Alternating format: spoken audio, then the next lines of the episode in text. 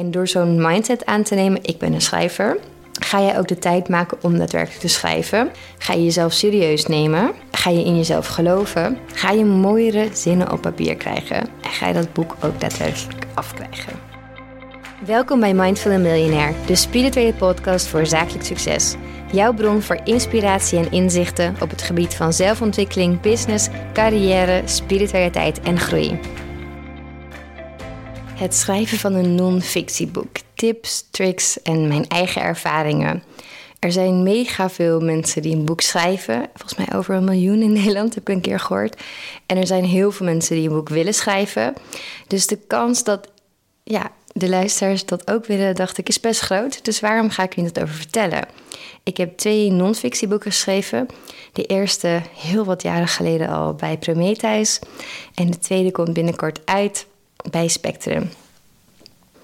En bij beide boeken was het de timeframe van dat ik het idee had en dat het boek echt een fysiek boek was, denk ik ongeveer een jaar of nog korter. En de tijd die ik echt heb besteed aan het schrijven, daadwerkelijk schrijven ervan, is ongeveer drie, vier maanden per boek. Dus ik kan misschien ook wat tips geven over hoe je in een redelijk rap tempo een boek kan schrijven. Verder heb ik voor mijn tweede boek ook helemaal uitgezocht hoe het gaat om een boek zelf uit te geven. Want ik dat eerst van plan was. Ben ik van teruggekomen. Dus ik dacht, ik kan ook hierover iets delen. Wat mijn idee was om het wel zelf te doen. En waarom ik er juist voor heb gekozen om het niet te doen. Wat de voor- en nadelen van beide zijn. Misschien heb je daar wat aan. En als laatste iets over de marketing van een boek. Mijn eerste boek is niet zo goed verkocht. En ik hoop dat het tweede een bestseller gaat worden. Dus ik heb nog geen proven record. Maar ik vind het uh, leuk om mijn ideeën en dat hierover te delen. Maar laten we beginnen met het daadwerkelijk schrijven van een boek. Want ja, zonder dat je echt een boek schrijft, komt er ook geen boek. Ook al heb je nog zulke goede ideeën voor het uitgeven of het marketingplan. Of je moet natuurlijk een ghostwriter inhuren. Dat gebeurt steeds meer. En ik vind het ook tof dat mensen daar open over zijn. Dat vind ik juist heel mooi om te zien. En dat is ook een heel, ik denk een heel gaaf proces om dat samen te doen en zo een boek te creëren. Ik heb het wel beide boeken zelf geschreven, maar wel heel veel hulp gehad, heel veel gespart en gebrainstormd.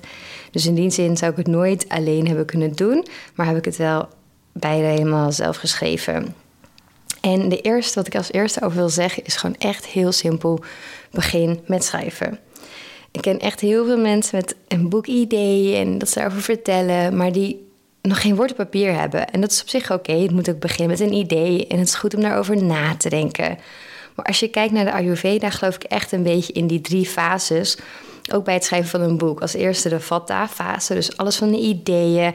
Heel creatief, heen en weer fladderen. Dat is de eerste fase en die is ook belangrijk om te hebben.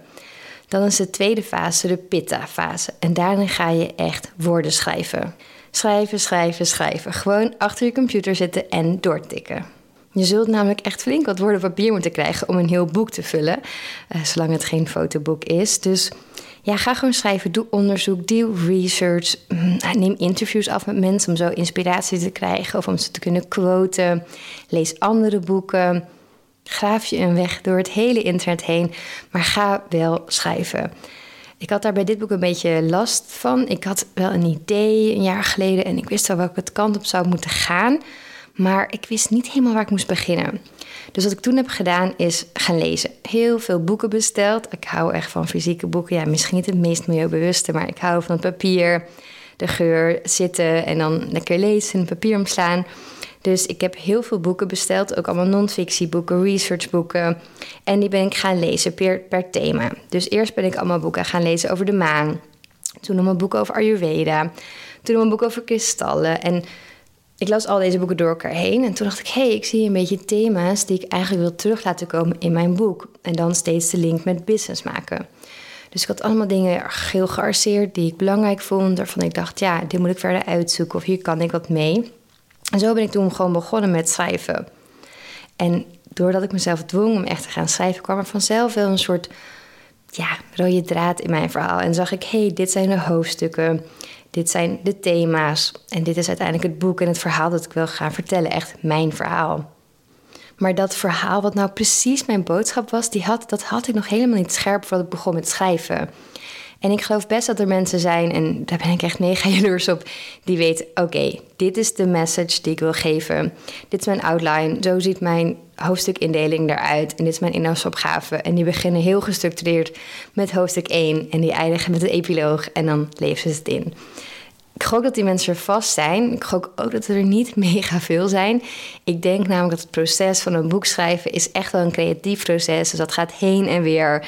Dan denk je, oh, ik wil het toch zo. Nee, dit wordt toch de titel. Oh nee, ik begin met dit hoofdstuk. Oh nee, er moet nog zo'n hoofdstuk in.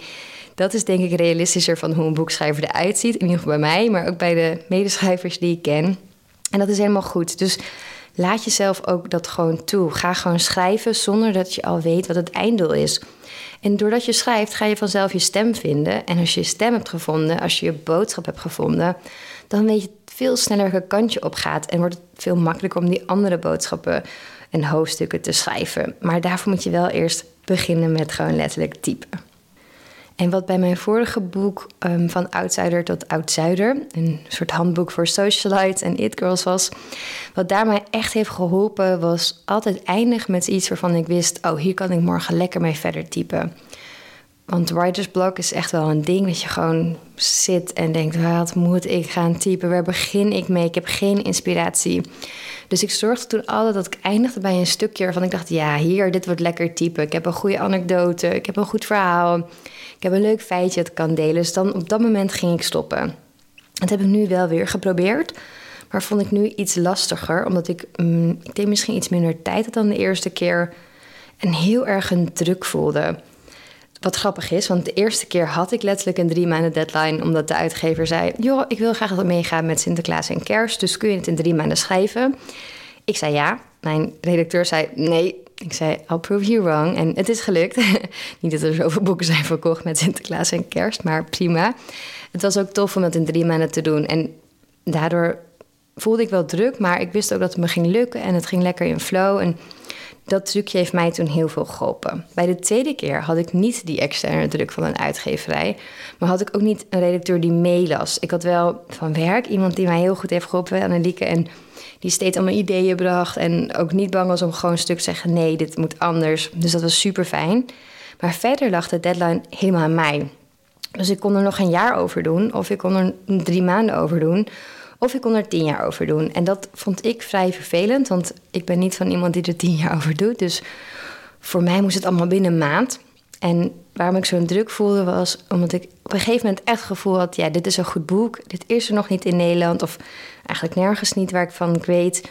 En ik wilde het zo snel mogelijk geschreven hebben. Want ik kan hier mensen mee helpen. Ik denk echt dat mensen hier iets aan hebben. Maar ik wil ook de eerste zijn die het op de markt brengt. Dus dat gevoel, dat was zo diep in mij. Gewoon zo'n vuurtje dat ik wilde verspreiden. Dus daarom voelde ik die druk heel erg. Maar juist natuurlijk, zoals het altijd werkt, als je heel erg druk voelt, dan is het lastiger om, ja, om lekker uit flow te schrijven en te werken. Het grappige was dat toen ik die drukker afhaalde, omdat ik zei, nou, ik ga het toch bij een externe uitgever doen en ik wil het niet meer allemaal zo snel mogelijk. Toen opeens ging het stromen en had ik het model waarin ik alles goot.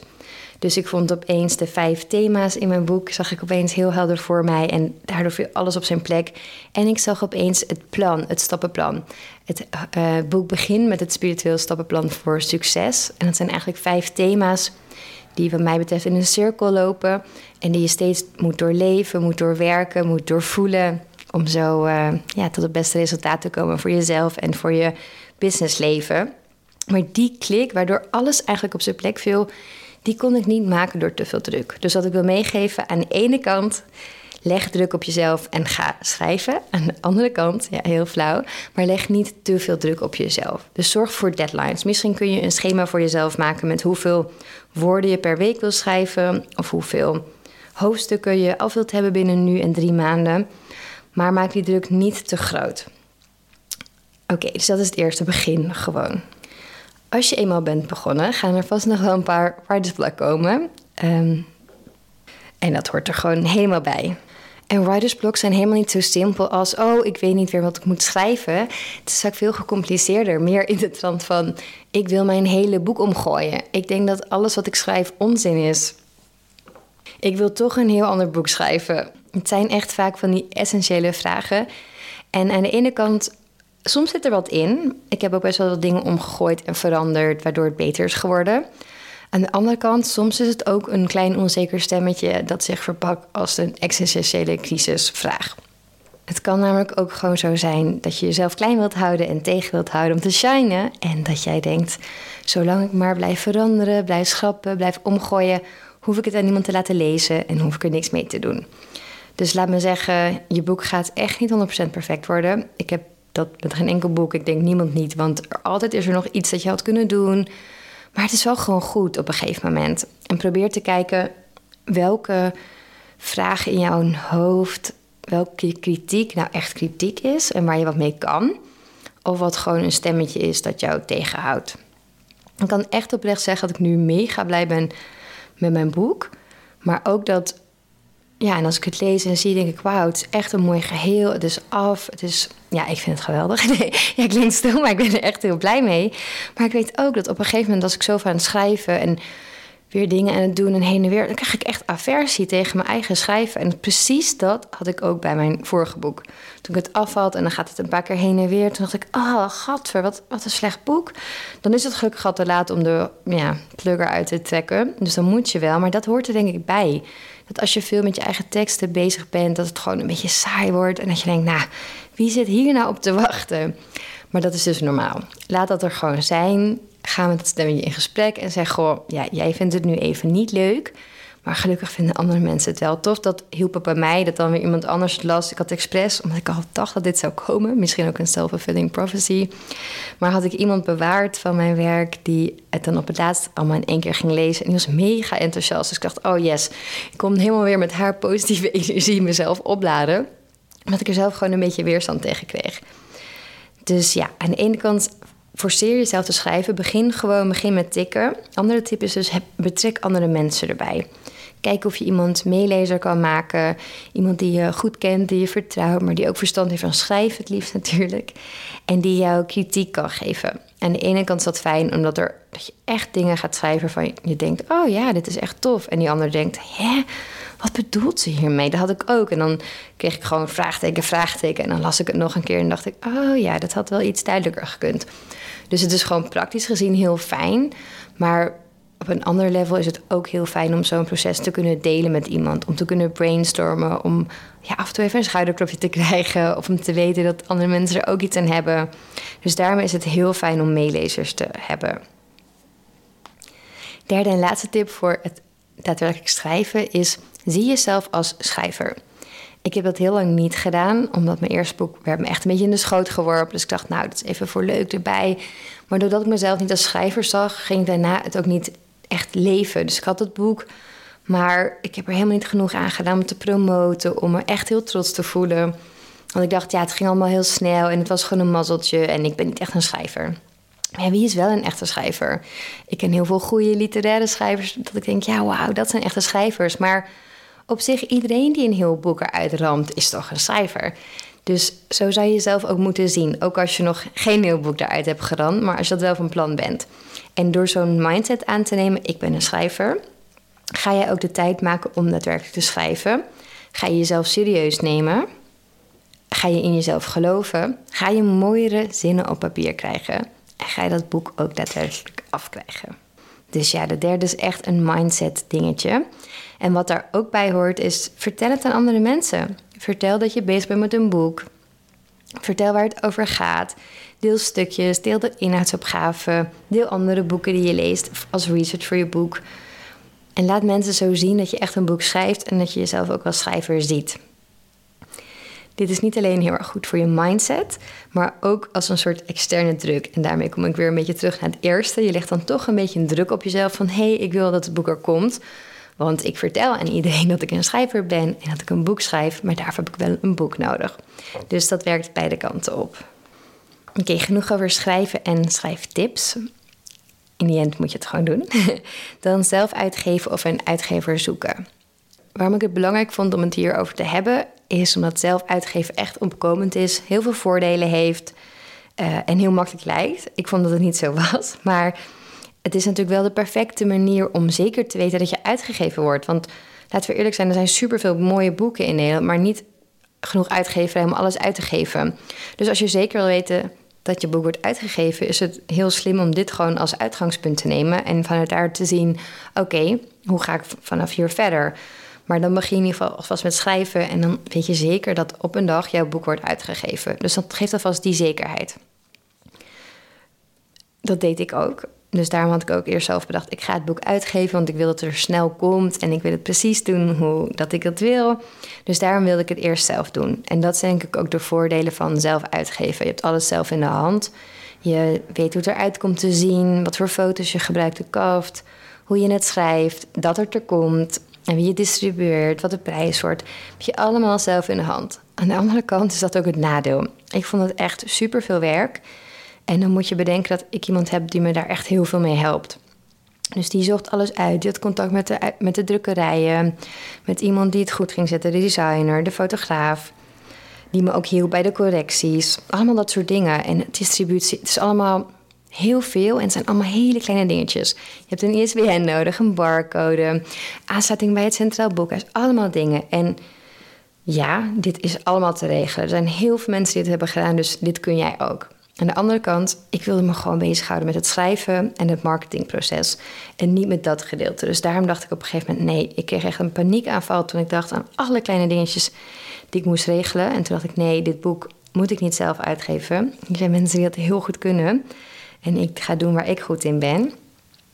Uh, dus toen heb ik, ben ik wel op zoek gegaan naar een andere uitgever. En gelukkig, dat, die klik was er direct en het ging super snel. Dus ja, daar heb ik heel erg mazzel. Nou, of ja, dat heb ik misschien gemanifesteerd. Denk ik wel heel erg.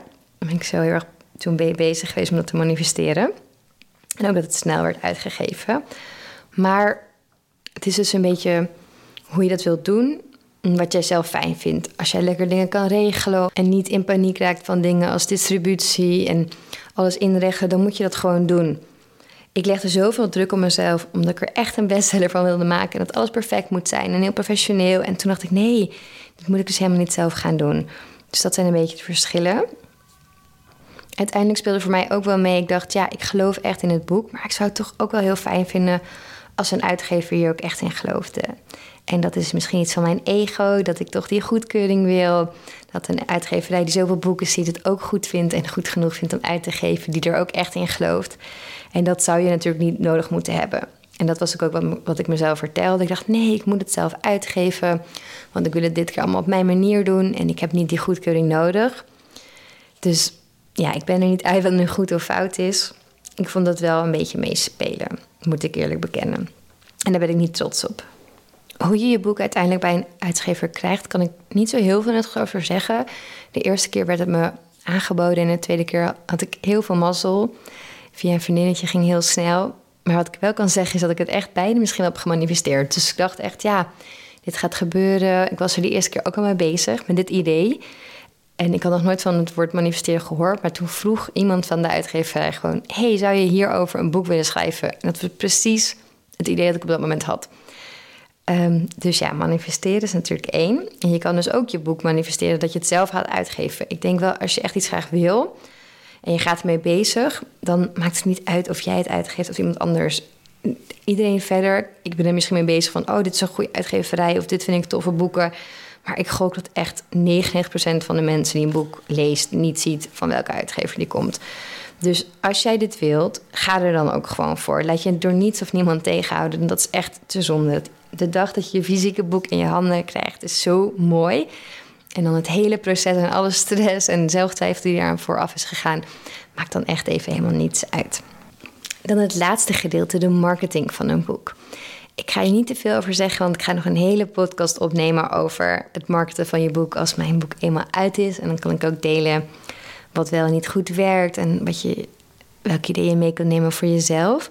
Maar voor nu zou ik in ieder geval willen zeggen: neem het echt serieus. Een boek verkoopt zichzelf niet zo makkelijk als je waarschijnlijk denkt. Um, dat, ja, dat heeft eigenlijk iedereen die een boek heeft geschreven. En die zegt het ook wel. Dan heb je het helemaal af en dan ben je echt kapot. En dan komt het er, maar dan begint het eigenlijk pas weer helemaal opnieuw. Want dan moet je echt gaan voor die verkoop daarvan. En daar moet je heel veel aan doen. Dus dat komt niet zomaar je aangefloten. Een persbericht kun je versturen, maar daar krijg je vaak weinig respons op. Dus je moet er echt wel aan trekken, nieuwe creatieve ideeën bedenken en ze ook uitvoeren. Daar schort het bij mij vaak aan, ik heb heel veel ideeën en ik vind ze zelf ook heel creatief, maar uiteindelijk doe ik het niet. Vanwege tijdgebrek of omdat ik gewoon moe ben en mijn energie op is. Dus dat heb ik nu anders gedaan. Al sinds het begin hou ik een documentje bij met marketingideeën. En daar schrijf ik alles op, alle ideeën die ik heb, om uiteindelijk na publicatie mijn boek te marketen. En daar ben ik dus nu ook al mee bezig, omdat ik weet van ja, dan gaat het heel snel. Opeens is er 1, 2, 3 maanden voorbij en zijn er misschien een paar boeken verkocht of heel erg veel. En ik wil nu dat het er heel erg veel zijn. Wat in ieder geval mijn ideeën waren, is deze podcast. Die ben ik aan de ene kant gestart omdat ik heel iets wilde doen met mijn idee en het de wereld in wilde slingeren. En hier ook informatie en inspiratie erop wilde doen. Maar aan de andere kant ook omdat het me tof leek om nu alvast een soort community audience te bouwen. Die het idee aansprak van Mindful Millionaire. En dan hopelijk ook mijn boek gaat kopen. Dus dat was, is een van mijn ideeën, een podcast alvast starten. Voordat het boek er komt. Maar je kunt het natuurlijk ook doen nadat het boek er komt. Persbericht natuurlijk, maar maak het dan ook mooi en anders dan anders. Niet alleen, oh, er is een boek en hier gaat het over. Ook een quote van jou erbij of waarom het boek zo belangrijk is.